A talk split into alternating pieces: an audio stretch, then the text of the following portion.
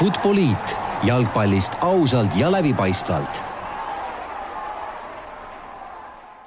no nii, tervitused taas kõigile jalgpallisõpradele, Futboliit äh, oma järjekordse salvestusega on eetris, kõigepealt peame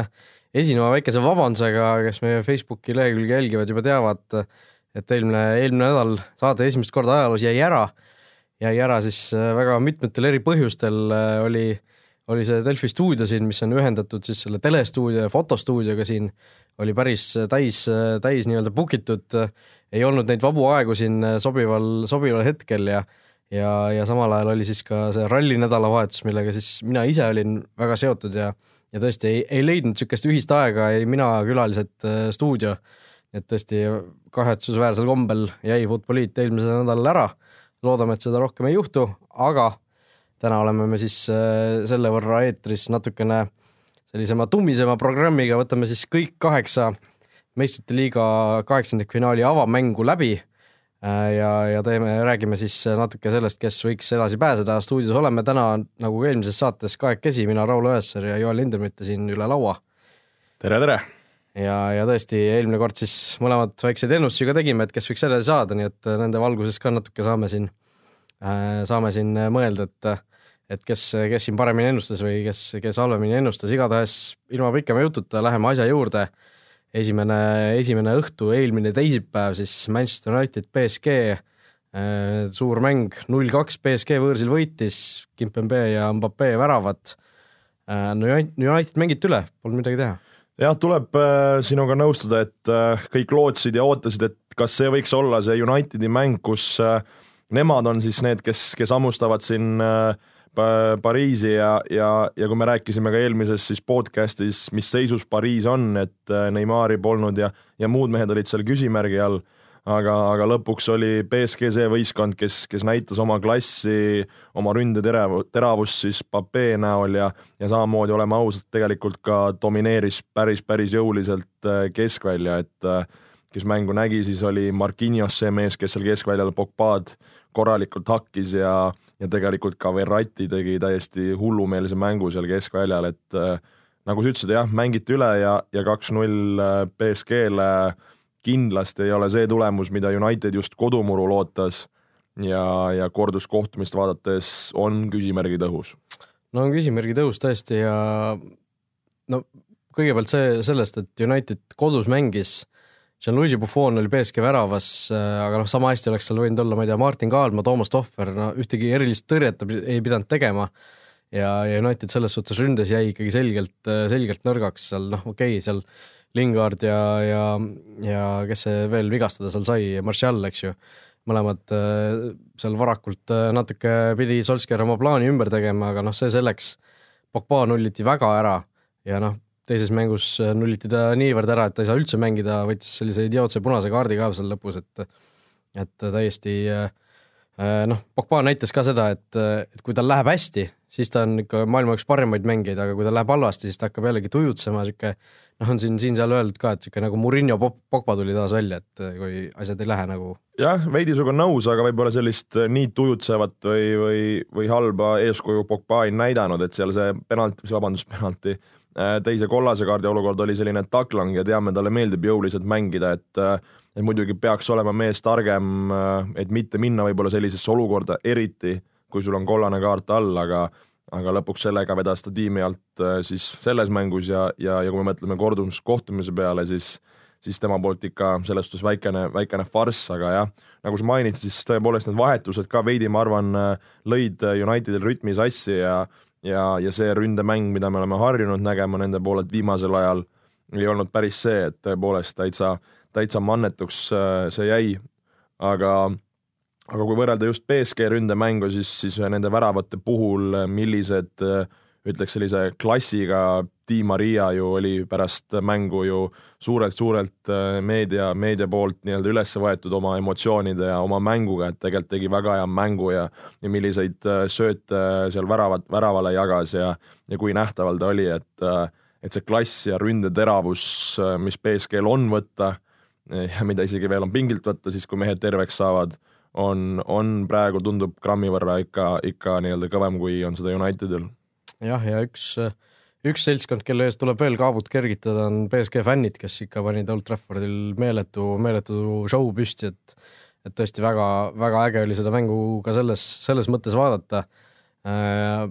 aga noh, kui minna nende ennustuste juurde, mina ütlesin eelmine kord juba, et BSG läheb edasi, sina ütlesid United. no mina olen endiselt BSG leeris, soovid sa oma ennustust muuta? No nüüd, kui reaalselt vaadata BSG-l kaks võõrsil väravat kirjas, United minemas Pariisi ilma Pogbata, et äh, kui peaksid ühe esimese kiire värava kuidagi kätte saama siis, siis võiks kuidagi minna mänguks, aga, aga suures pildis on, on raske näha, et United selle kaks-null kaotusseisu ja siin ka selle võõrsil väravate reegliga selle asja kuidagi enda, enda kasuks äh, kallutab, et kui saan uue pakkumise teha, siis, siis teen, äh, BSG läheb edasi. jah, no see võõrsil väärata reegel isegi Unitedi kasuks siin natuke mängib, et parem on ju tegelikult kodus null-kaks kaotada kui võõrsil null-kaks kaotada mõnes mõttes, et et noh, nüüd, nüüd sul ongi võõrsil võimalus noh, kaks väravat ära lüüa, on seis sisust viigis, et noh, aga noh, võõrsil kaks väravat lüüa on muidugi lihtsam öelda kui teha. aga ol-, olgu nii, samal õhtul, samal ajal toimus siis meistrite liiga mäng ka Roomas kus siis AS Rooma FC Porto vastu kaks-üks võidu sai kirja. Nicolo Zaniolo seal kaks väravat lõi, kõik need kolm väravat löödi tegelikult väga lühikese aja jooksul. Äh, seal seitsekümmend, seitsekümmend kuus ja seitsekümmend üheksa, et, et noh,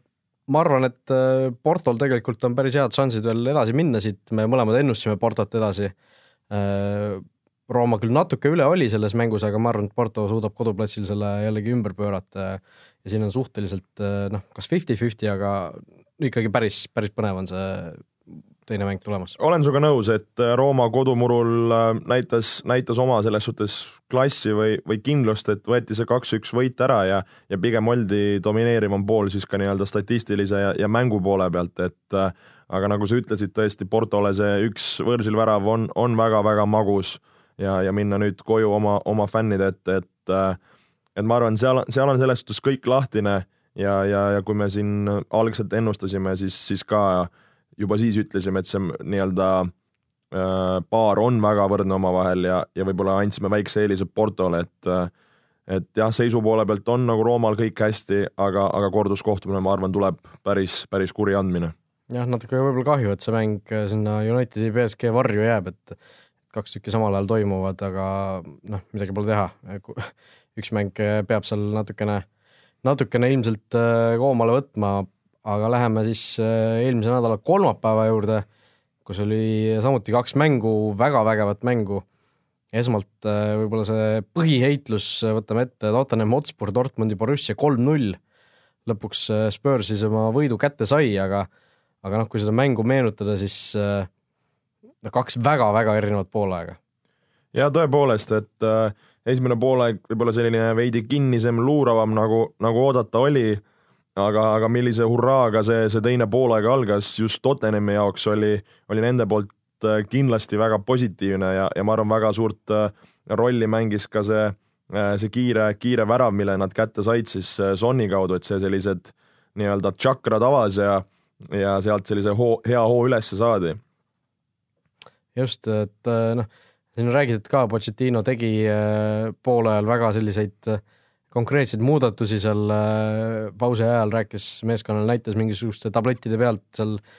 kuidas, kuidas mängima peaks, kuidas äärekaitset peaks tõusma ja noh, Jan Vertonghen mängis nagu noor jumal seal, et noh, tegelikult kui mõelda selle pealt, mees on keskkaitsja, aga mängis sisuliselt noh, nagu paremate päevade Marcelo Realis, et jah, see oli ikka täiesti müstika, et kui korraks tulla tagasi selle Pochettino jutu juurde, siis tõepoolest tänapäeva treenerite staff'id ja, ja töökorraldus näeb välja sellisena, et kuskil äh, kõrgematel korrustel on sul sellised ähm, performance siis äh, ana-, ana-, analüüsijad, kes, kes mängu samal ajal laivis äh, jälgivad ja lõikavad ja, ja siis treenerile teatud kas mänguolukordadest, mis on varem kokku lepitud või, või mida nemad näevad, siis lõikavad klipid kokku, pool ajal treenerite staff tuleb kokku vaatab neid videod üle, arutab, mida võistkonnale näidata, mida muuta ja, ja siis äh, see oli see, mida siis Pochettino intervjuus ka mainis, et äh, et just visuaalselt mängijatele näidata, kus kohas need ruumid on või mida, mida parandada. aga, aga jah, kui Vertongeni juurde tagasi tulla, siis äh, ise endise keskkaitsjana kergitan siin mitte ühte kaabut, vaid võtan võtan teised kaabud ka appi, et äh, suur jõuline keskkaitse, kes, kes muidu mängimas siis okei okay,, Tottenham on mänginud nii nii-öelda kolmest keskkaitseliini kui, kui kahest, et et võiks ju olla selline vanakooli keskkaitse, jõuline, tugev, aga aga hoopis mängis wingbacki ja, ja kui vaadata tema seda sellist, seda heatmap'i või, või kus ta neid puuteid väljakul tegi, siis kogu, kogu äär nii alt üles on tema, tema puuteid ja kohti täis. ja, ja kui mõelda neid, nende väravate peale, siis äh, see tsenderdus, mis ta Sonnile lasi, oli ikka täiesti maailmaklass ja, ja samamoodi siis nõks hiljem lööb mees ise kastist ära, et et tõesti täiesti, täiesti müstiline mäng Vertongeni poolt ja ja see on ka suund, kuhu tänapäeva jalgpall läheb, et keskkaitsjad ja, ja kaitsjad on üha liikuvamad, üha osavamad, kiiremad, et et ei ole enam seda vana kooli, et sul on seal sajakilone kapp, kes, kes rammib kõik vennad maha ja, ja peksab pikka, et see on nii-öelda see, see suund, kuhu jalgpall liigub. Just, no. Ja saan jälle enda, enda sulgi puhevile lüüa, mina ennustasin Tottenhami edasipääsu, sina ennustasid Dortmundi edasipääsu.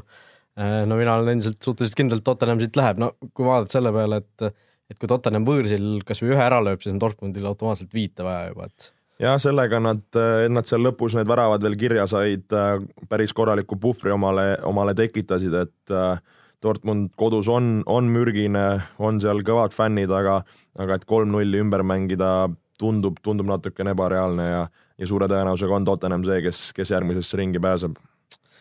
just, ja samal ajal teine kohtumine siis, mis peeti, oli ka suhteliselt selline noh, võib-olla isegi skandaalne.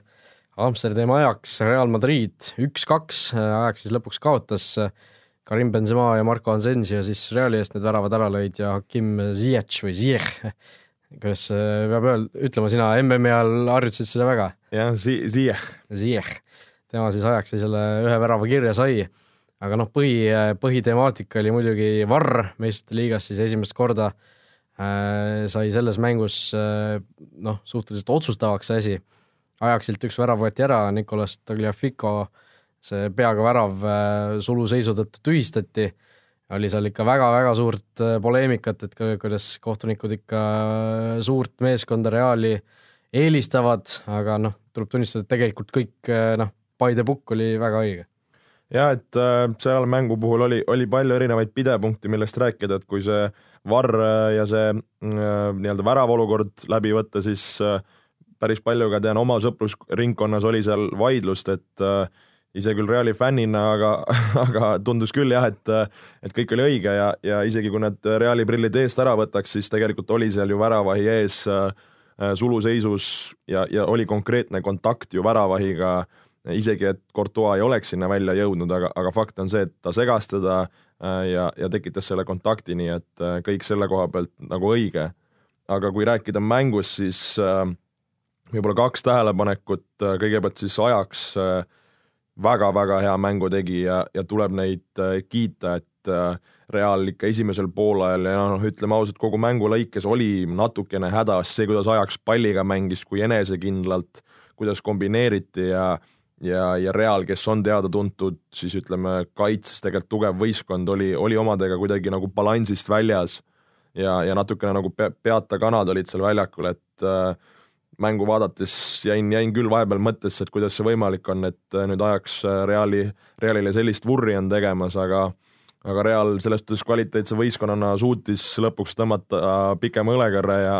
ja oma klassiga selle nii-öelda mängu ära võtta, aga aga jah, selline, ei oleks oodanud, et see võib-olla nii, nii raskelt äh, tuleb.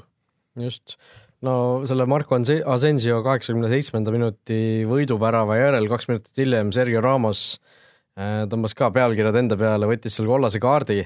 noh, see oli see suhteliselt äh, mõnes mõttes tavalise veaga, aga noh, pärast mängu ka seal vihjamisi tunnistas, et, et äh, võttis selle kaardi sellepärast, et et see kordusmäng vahele jätta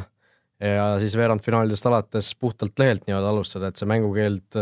nii-öelda selja taha jätta. Ja, ja noh, selle, selle tõttu UEFA on varemgi määranud karistusi selle, selle eest, kui meelega võetakse kollaseid kaarte, kusjuures eh, Sergio Ramose kollane kaart Ajaxi vastu aastal vist kaks tuhat üksteist oli see põhjus üldse, miks, miks UEFA selle reegli kehtestas, nii et selles mõttes naljakalt ajalugu kordub. aga noh, Ramos muidugi noh, sihuke totter olukord, et kui UEFA siit nüüd äh, karistuse talle määrab, siis, siis ikka noh, suhteliselt rumal, rumal tegu. ja rumal tegu selles suhtes, et kui sa lähed pärast seal ikka intervjuus ütled seal selle no ütleme läbi ridade kõva häälega välja ja siis, siis on sul hapusti, et äh, noh, selles suhtes mõnes mõttes võib-olla tark tegu, et ta selle kaardi võttis äh,. oli küll natukene võib-olla küüniline, aga kui seda intervjuud sinna otsa poleks olnud, eks võib-olla UEFA oleks natukene silma kortsutanud ja veidi mõelnud selle peale, aga ei usu, et see oleks nii suure kella külge läinud, kui, kui seda nüüd on, et et igatahes, mis nüüd sellest Ramosest saab, äh, fakt on see, et ta teises korduskohtumises ei mängi ja, ja eks ole kuulda, kas tuleb midagi ka lisaks, aga ilma Ramoseta ka on, on Real võib-olla natukene rohkem haavatavam kui, kui, kui muidu. Noh, see sihilike kollaste kaartide võtmise temaatika on tegelikult päris sihuke kummaline, sest tegelikult noh, mängija ei teinud ju midagi, midagi väga erilist valesti, noh, ta sai kollase kaardi, kollaseid kaarte saab, saadakse igas mängus, aga just see, et, et ta nii-öelda meelega võtab selle kollase kaardi, et see, see on nagu selline noh, selline omaette nagu teema, et, et kuidas äh, kuidas seda nagu hindama peaks siis või kus, kus kohas see piir jookseb, et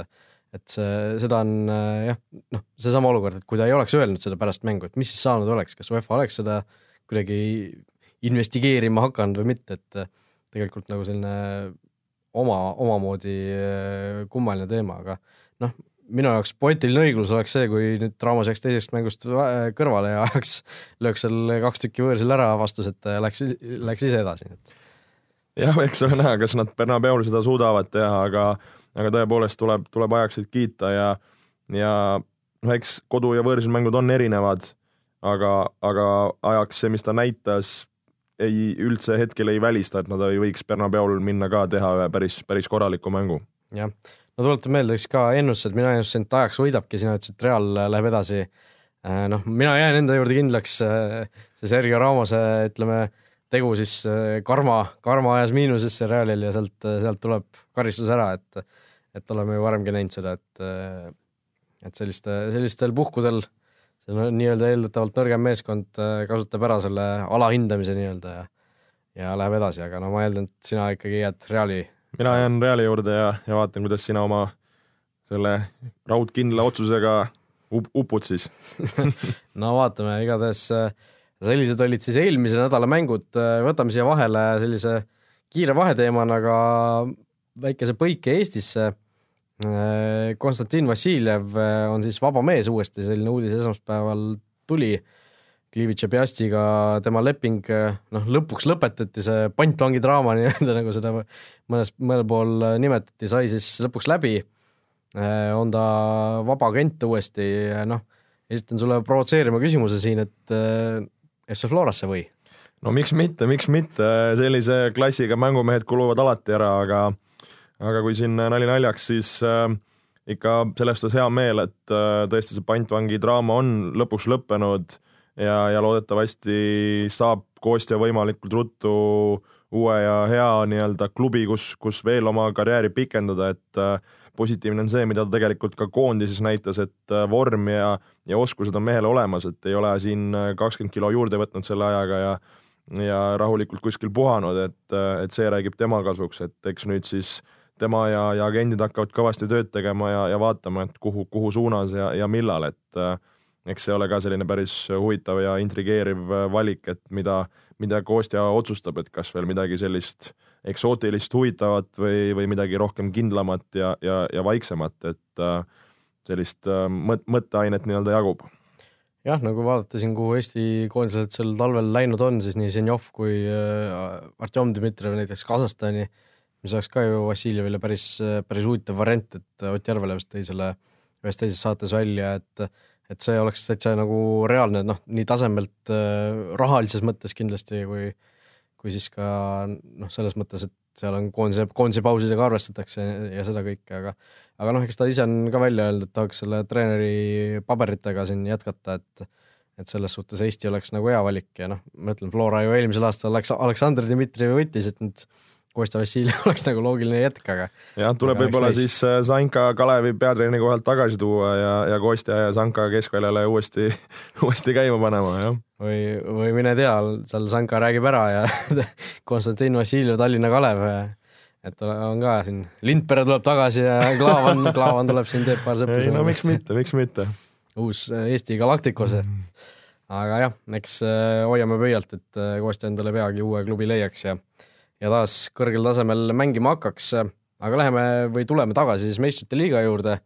ja tuleme siis selle nädala kohtumiste juurde, alustame siis teisipäevast mäng, mida me ise kommenteerisime TV6 eetris, Lyon Barcelona null-null. jah, null-null, raske, raske midagi sellist äh, väga suurt või konkreetset öelda, kiitus Lyonile, kodu, kodumurul. Korralik võitlus, nägid vaeva, kaitses pingutati, mängiti väga-väga kompaktselt äh, ja tegelikult esimesel poolajal omati kahte-kolme väga head võimalust, kus oleks võinud selle väga väärtusliku värava kätte saada. aga kui vaatame Barcelona suunas, siis äh, kindlasti nemad ei ole rahul, et ei saanud, ei saadud seda võõrsil väravat kätte või siis üldse väravat kätte tegelikult äh, võimalusi nagu oli, mitte küll sellised superhead võimalused, aga natukene võib-olla jäi see Barcelona mäng selliseks äh, aeglaseks ja, ja, ja võib-olla mitte nii otsustavaks, et ei olnud see ladus Barcelona ründemäng, mida me oleme harjunud nägema, et äh, et oli, oli mõnes mõttes selline üllatus, et Barcelona ei, ei suutnud siis Lyoni vastu esimeses voorus rohkemat jah, no Lionel Messil ka oli ikkagi suhteliselt must päev, et seda ka väga tihti ei näe, et äh, ma arvan, et seal kordusmängus ikkagi äh, usutavasti ta suudab äh,, suudab oma, oma teod ära teha, mis ta tavaliselt ära teeb, aga tõesti Barcelona noh, ühest küljest oli nagu tavaline Barcelona, mängis seal lühikest söötu ja värki, aga noh, see rünnak oli ikkagi natukene, natuke selline nigel, et noh, Dembele seal oli terav jõudis kasti väga palju sealt vasakult poolelt, aga tõesti need, see i, i-täpp jäi panemata, et aga jah, tõesti, nagu sa mainisid, Lyonil endal oli ka tegelikult päris mitmeid häid võimalusi, Ter Stegen tegi seal imetõrjeid, et et mõnes mõttes Barcelona võib isegi õnne tänada, et see null-null jäi, aga noh, arvestades seda, et võõrsil väravata nüüd jäädi, siis Lyonil tegelikult on täitsa okeid šansid, noh, ma arvan, et ega nad väga, väga palju paremat ei, ei oleks osanud isegi oodata, et teiseks mänguks on tagasi ju ka Nabil Fekir ja Äh, kes, äh, kes siis avamängust pidi kaartide tõttu eemale jääma ja kui vaadata seda, et Lyon on nüüd kuus viiki järjest teinud meistrite liigas, siis noh, kui üks viik veel tuleb, ütleme üks-üks või kaks-kaks, siis äh, tähendaks see neile ju edasipääsu. ja kui, kui suudetakse Camp Nou'l kas või üks värav lüüa, üks, ükskõik siis, mis see hetkel see seis on, siis see võib-olla natukene pakuks neile, neile sellist lootust, aga, aga teame, et Barcelona Camp Nou'l on, on väga tugev ja äh, ja, ja suure tõenäosusega on, on ta favoriit, aga, aga, aga teame, et on, on kõik võimalik, et äh, kui siin nii-öelda panustamise koha pealt, äh, mis meie need olid, kuidas me panime? Äh, me panime niimoodi, et sina ennustasid Lyoni edasi ja mina ennustasin Barcelonat edasi. õigus, õigus, siis jätkan, jätkan sama rada pidi, et Lyon läheb siit kindlalt edasi. no mina ka ennast muutma ei hakka, ma arvan, et Messi ärkab üles teises mängus, aga tõesti noh, vähemalt on see, et äh, selle paari kohta võis nagu seda lootust hellitada, et äkki ei ole esimese mängu järel kõik otsustatud ja täpselt, täpselt nii ka läks, et äh, kõik ikkagi teise mängu peale jääb. ja, ja põnevat, põnevust sinna jagub. aga samal ajal jagub põnevust ka siis äh, teise mängu, mis samal ajal peetakse, mis samuti null-null lõppes esimese, esimese mängu järel Liverpool, Müncheni, Bayern. no Liverpool ilma Virgil van Dijkita, Fabinho keskkaitses mõnes mõttes võib ikkagi rahule jääda, et nullil hoida Bayernit. seda küll, eks äh, see mäng näitas ka, et äh, Van Dijk on olnud äh, täiesti müstiline, müstiline mees see hooaeg ja, ja, ja kohe, kui teda ei ole, siis on see see nii-öelda vana Liverpool seal mõnes mõttes tagasi, et ei ole sellist võib-olla kindlust ja, ja konkreetsust, mida Van Dijk toob, aga, aga tõepoolest selles suhtes positiivne, et null taga on, ei lastud seda võõrsil väravat lüüa küll tekitab küsimusi, et äh, kodusel Anfieldil ei suudetud siis oma, oma ründemängu võib-olla nii hästi realiseerida või, või, või saada seda väravat kätte.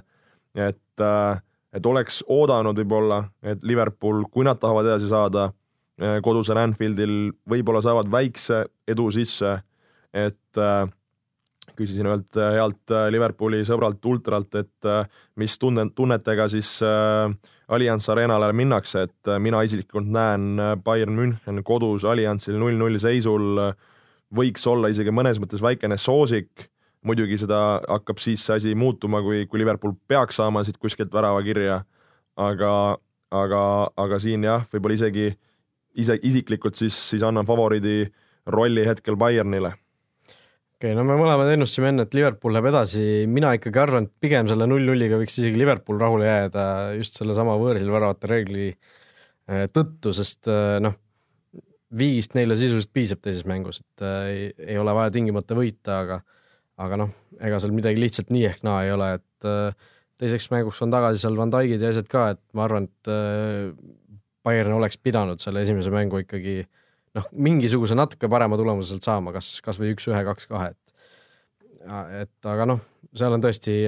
suhteliselt fifty-fifty on need võimalused. Jah, jah, et äh,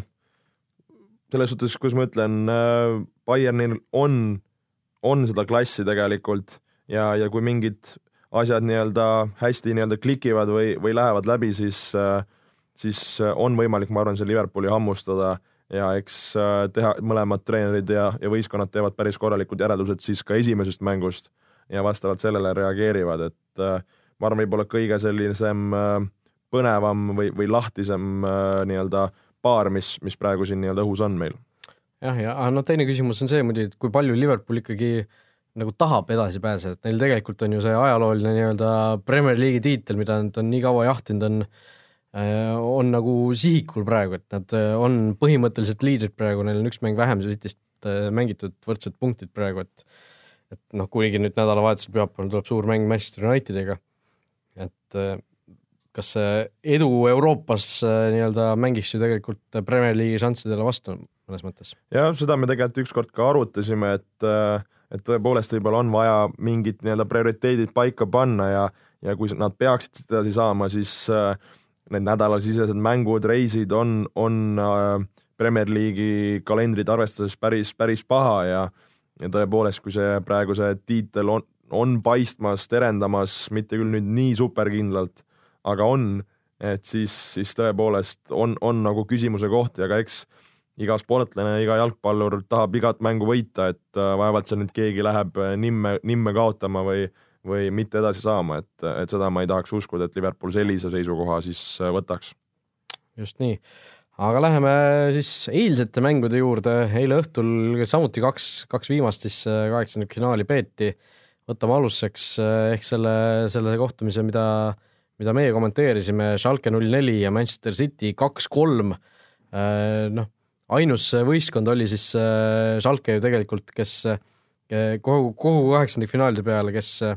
või noh, nende selle nädala kaheksandikfinaalide peale, kes esimese poole järel juhtis,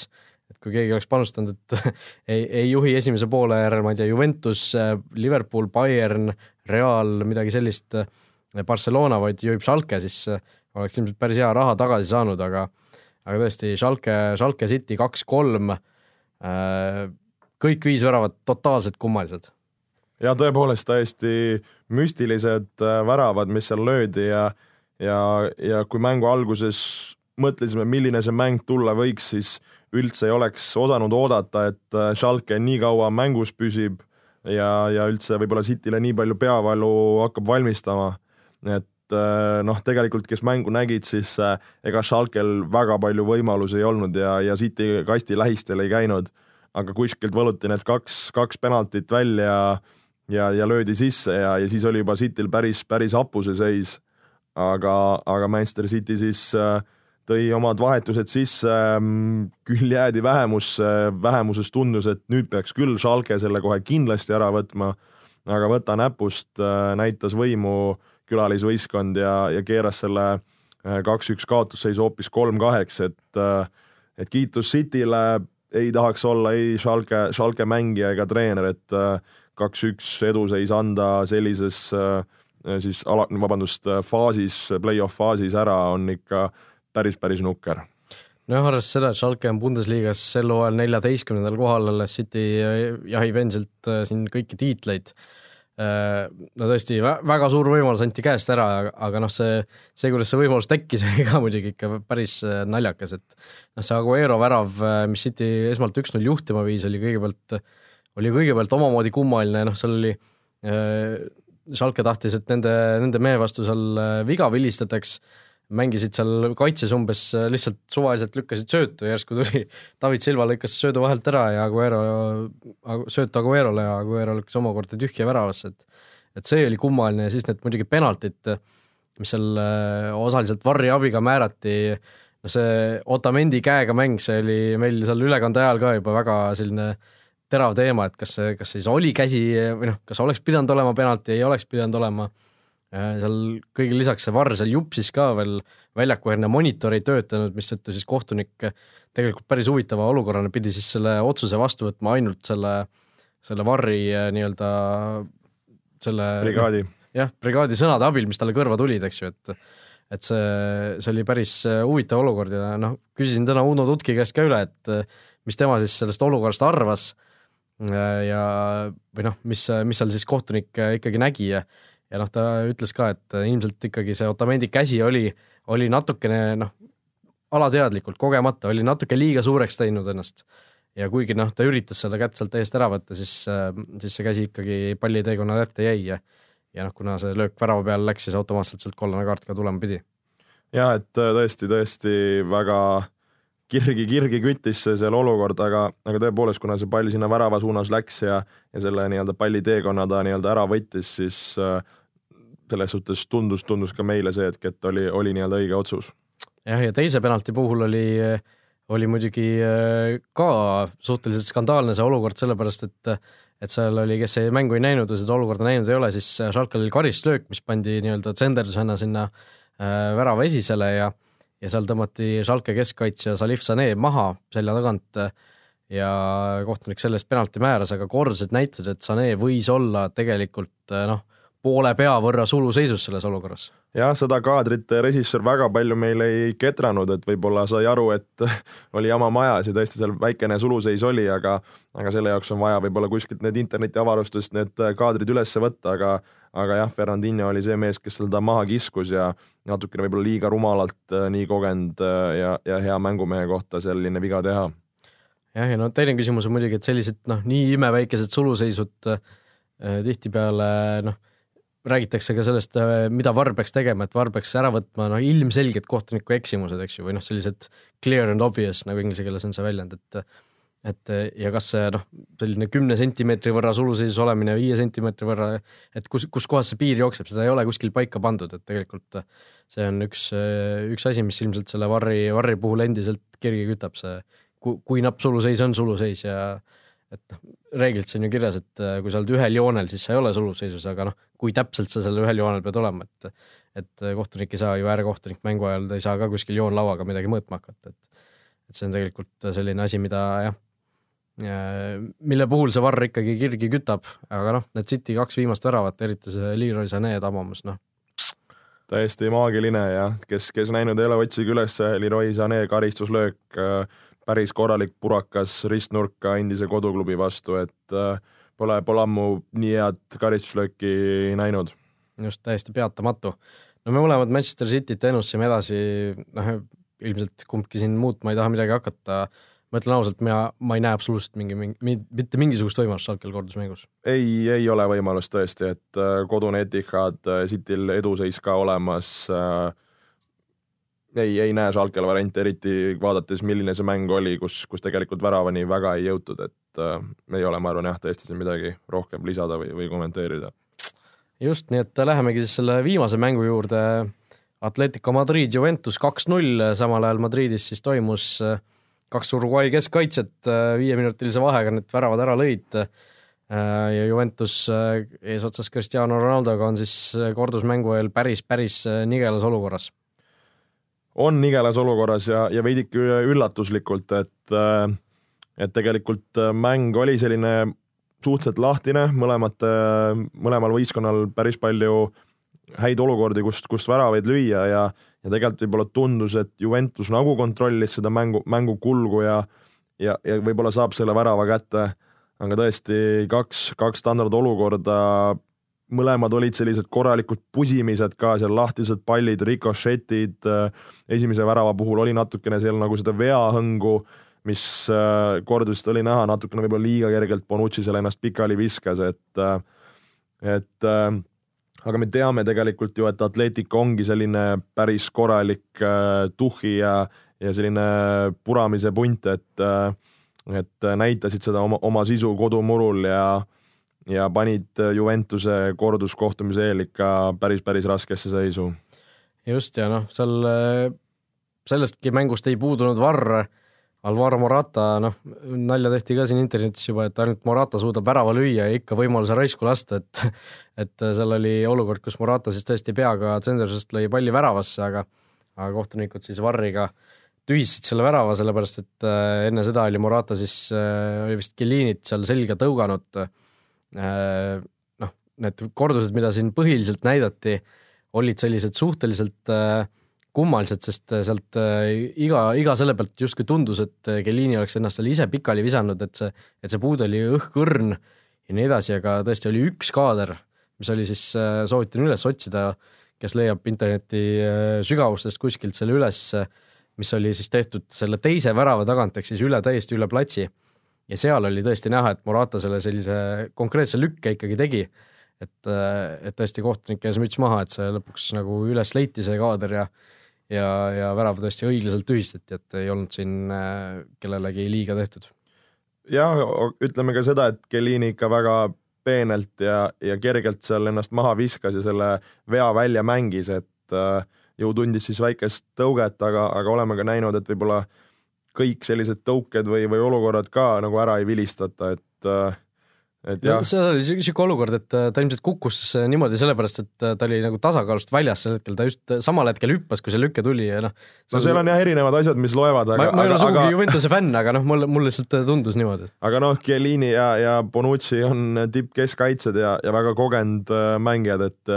et ega eks, kui seal mingi väikene puude või kontakt tuleb, siis itaallased ka oskavad seda väga hästi maha müüa ja, ja natukene teatrit sinna lisaks teha just, aga noh, kui korduskohtumise poole edasi vaadata, siis eile mängu järel ka natuke omavahel rääkisime, et noh, see võõrsilväravate reegel, see kuradi võõrsilväravate reegel, et et noh, kui äh, Atletico suudab nüüd võõrsil kas või ühe raja lüüa, siis on Juventusel automaatselt nelja vaja, et noh, see ei tundu, ei tundu nagu õiglane. jah, see on see, kus nüüd hakkab see nii-öelda mängu võib-olla ilu või lust äh, ära kaduma, et äh, kaks-null äh, Juventusel nii-öelda taga, taga olla äh, võõrsil väravat neil kirjas ei ole ja, ja nagu sa ütlesid, et kui siin on äh, noh, või jää, seis jääks siis kolm-üks äh, Juventusele, siis, äh, siis oleks juba, juba raske, sest nii-öelda võõrsil värav on Atleticul käes ja, ja ehk nagu sa ütlesidki, kui Atletico selle ühe kätte saab, et siis tuleks juba lüüa neli, no sellisele pundile nagu Atletico on, kes on ikka täielikud sõdalased ja ja, ja ma, ma arvan, nad tulevad ikka väga-väga hambad ristis ja ikka väga korraliku seal mitte kahekorruselise bussi, vaid võib-olla neljakorruselise, korruselise bussiga sinna kaitsesse ette seisma, et et jube raske näha, et, et sealt nüüd Juventus nel-, nelja hakkaks lööma, kui, kui Atletico saab ühe värava kätte, muidugi kui Atleti ei saa seda väravat kätte, siis, siis võime hakata rääkima küll, aga aga jube, jube raske tundub. jah, Cristiano Ronaldo selline pärand on siin natuke ohus, et et äh, noh, lootis kindlasti tema, et tuleb Juventusesse ja hakkab seal uuesti meistrite liiga tiitlile võitlema, aga siin kaheksandikfinaalis välja langeda oleks ikka päris valus selles suhtes. aga olgu nii, on meil kõik mängud läbi võetud ah,, viimase kohta veel ennustus ka, mõlemad ennustasime enne Juventust edasi. tahad sa nüüd muuta? no ma lisan intriigi ja ütlen, ütlen, et äkki Juventus läheb edasi, ma ei tea, kuidas, noh, Juventus on selline võistkond, kes, kes kodus võiks teha mingit imet, aga aga reaalses elus näen, et see on raske, aga et lihtsalt natukene intriigi lisada, ma ütlen, ütlen Juventus. mina ka, kusjuures mul on niisugune tunne, et Juventus läheb edasi, et eh, noh, Atletico on võõrsil sel hooajal olnud suhteliselt kehv, Juventus on kodus olnud väga hea. et eh, ma sugugi jah, ei, ei tahaks neid eh, maha kanda, et ma millegipärast niisugune tunne on, et Ronaldo seal ikkagi on endiselt see mees, kes, kes on siin kolm aastat järjest selle meistrite liiga ära otsustanud ja ja suudab seekord ka selle, sellest raskusest üle tulla, aga noh, see mägi on päris, päris kõrge ja järsk, mille otsa siin ronima peab. jah, oluline on, et kui kiiresti see esimese värava Juventus kätte saab, et mida kauem nad ootavad, seda, seda raskemaks see ülesanne läheb, aga aga kui peaks seal esimese kahekümne minutiga seal üks ära tulema, siis, siis võib seal minna päris korralikuks mänguks. just nii, igatahes siia meie tänane Futboliit äh, ära ka lõpeb kuulake meid ikka Delfi taskust, erinevatest podcast'i rakendustest, iTunesist, kust kust iganes, nii et äh, oleme tagasi juba järgmisel nädalal, loodetavasti see siis saade ära ei jää ja oleme ikka eetris, nii et äh, äh, tänud kuulamast ja olge ikka meiega. olge mõnusad. Futboliit jalgpallist ausalt ja läbipaistvalt